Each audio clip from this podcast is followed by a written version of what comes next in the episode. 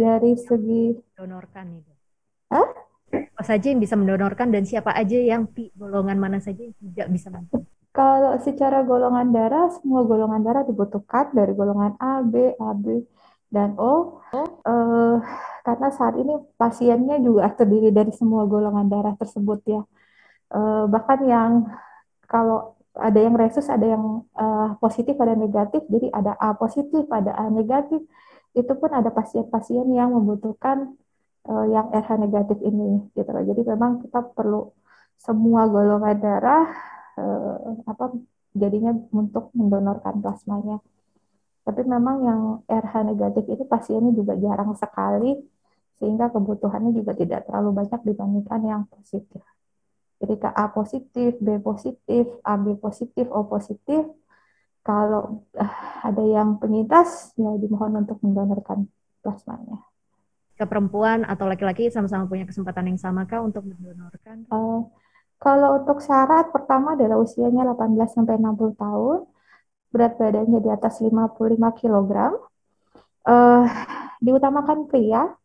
Kalau perempuan adalah perempuan yang belum pernah hamil. Kenapa? Karena kalau sudah pernah hamil ada uh, secara keilmuan tuh bilangnya ada ada antibodi yang bisa menyebabkan pasien mengalami sesak. Nah, itu yang kita kita jaga agar tidak terjadi terhadap pasiennya.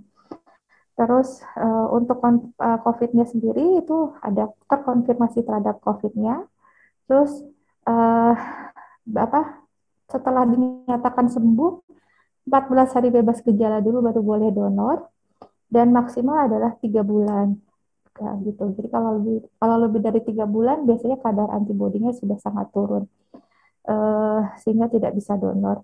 Uh, terus kalau udah pernah donor biasanya lebih baik dibandingkan yang belum pernah donor sebelumnya. Tapi bukan berarti yang belum pernah donor tidak boleh donor plasma. Boleh masih tetap boleh. Oke. Okay. lalu mungkin banyak masyarakat yang nggak tahu nih dok. Aku harus ke mana sih untuk mendonorkan plasma? Dan apakah itu ada pungutan biaya atau enggak dok? Karena yang kita tahu kan pandemi ini tidak hanya sekedar pandemi tapi banyak infodemi juga yang terkait dengan plasma ini dok. Bagaimana dok? Ya, uh, untuk tempat-tempat pengambilan plasma konvalesen memang belum semua unit transfusi darah yang bisa melakukan karena satu uh, perlu alat yang kita sebut dengan aferesis Uh, jadi terus juga pemeriksaan juga biasanya lebih lengkap dibandingkan pemeriksaan darah yang biasa.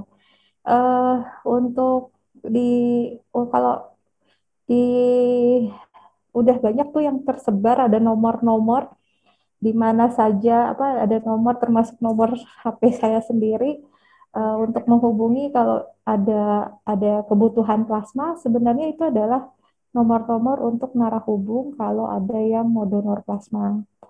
Jadi kalau ada yang mau donor, silakan menghubungi nomor-nomor tersebut, bilang apa saya mau donor, posisi Anda ada di mana, nanti kami akan uh, arahkan bagaimana caranya untuk melakukan.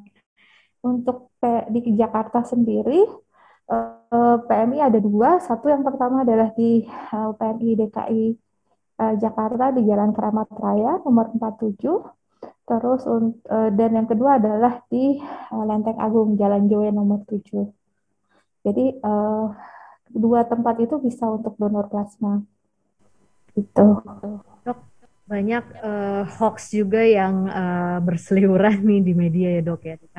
Uh, apakah ada efek samping nggak sih dok dari donor plasma ini? Karena ada mungkin sebagian masyarakat yang masih ketakutan untuk mendonorkan uh, plasma itu sendiri uh, efek samping dari buat pendonor atau efek samping untuk pasien? Untuk pendonor.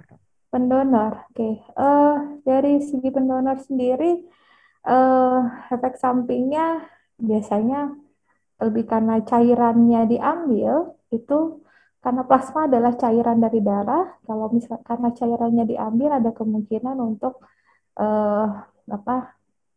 Ada yang apa ya Eh, kita bilangnya mungkin tekanan darahnya turun. Tapi sebenarnya selama pengambilan plasma bukan berarti kita tidak boleh minum, boleh minum, silakan minum sehingga dengan begitu cairannya akan tetap terjaga volumenya. Jadi kalau misalnya kita minum sampai 24 jam setelah setelah donor itu juga masih eh, minumnya juga diperbanyak sehingga volume cairan dalam pembuluh darah cukup itu uh, biasanya tidak terjadi apa-apa. Jadi mungkin agak sedikit haus sedikit ya dok ya? Iya, yang dirasa haus. Kadang-kadang suka kita tanyain Pak mau minum, kalau bilangnya belum, apa-apa Pak minum aja ya Pak. Agak dipaksa sedikit untuk minum. Gimana cair, agar cairannya tidak tetap terjaga. Itu air minum. Dok, kalau dokter melihat sendiri nih gelombang kedua, uh, kita kita semua tahu uh, lumayan dahsyat ya dok ya uh, imbasnya atau dampaknya. Bagaimana PMI melihat ini? Apakah ada uh, optimistis dari dari dari apa yang terjadi dan stok yang sangat minim, tapi apakah ke depan kita bisa bergotong royong untuk menaikkan stok itu sendiri di gelombang kedua ini, dok? Uh, ya, kalau untuk stok ini kembali lagi ke darah itu sampai saat ini belum bisa dibuat oleh pabrik, jadi ya hanya bisa minta untuk uh, para pendonor untuk mendonorkan plasmanya. Uh, ya, yang pasti akan perlu bantuan dari berbagai pihak untuk uh, apa mengajak kalau ada yang tahu ada oh ini sih ini penyintas coba uh, bisa diajak untuk donor plasma jadi semua yang bisa membantu ya kami harapkan bantuannya gitu. Oh. Ada hoax banyak yang berseliweran nih di uh, media sosial, uh, WhatsApp dan lain uh, bahwa plasma itu berbayar. Bagaimana PMI menanggapi menanggapi hal tersebut? Mungkin bisa dijelaskan ke masyarakat bahwa apakah plasma ini uh, gratis untuk uh, penerima dan pendonor ini sendiri? Ya, kalau dari segi kita bicara plasmanya, sebenarnya plasmanya gratis. Tapi ada yang disebut dengan biaya uh, pengolahan dari plasma tersebut. Mulai dari awal, uh, para pendonor itu diperiksa dulu apakah uh, kadar antibodinya masih cukup atau tidak, apakah ada penyakitnya atau tidak. Jangan sampai diberikan plasma, dapat juga penyakit yang lain. Nah, ini yang kita jaga keamanan dari darah tersebut. Dan itu yang ada biayanya. Uh, contohnya saja untuk aferesis, untuk pengambilan plasmanya, itu ada satu kit yang uh, sekali satu pendonor itu harus dibuang, jadi nggak bisa dipakai berulang-ulang. Dan satu kit itu harganya antara 2 sampai 3 juta untuk satu kali pengambilan dari plasma tersebut. Nah, jadi kalau ditanya apakah ada biaya, ada biaya terhadap namanya pengolahan dari plasma tersebut. Uh, untuk saat ini biaya pengganti pengolahan plasma adalah 2.250.000 per kantong yang isinya adalah plasma konvalesen 200 ml.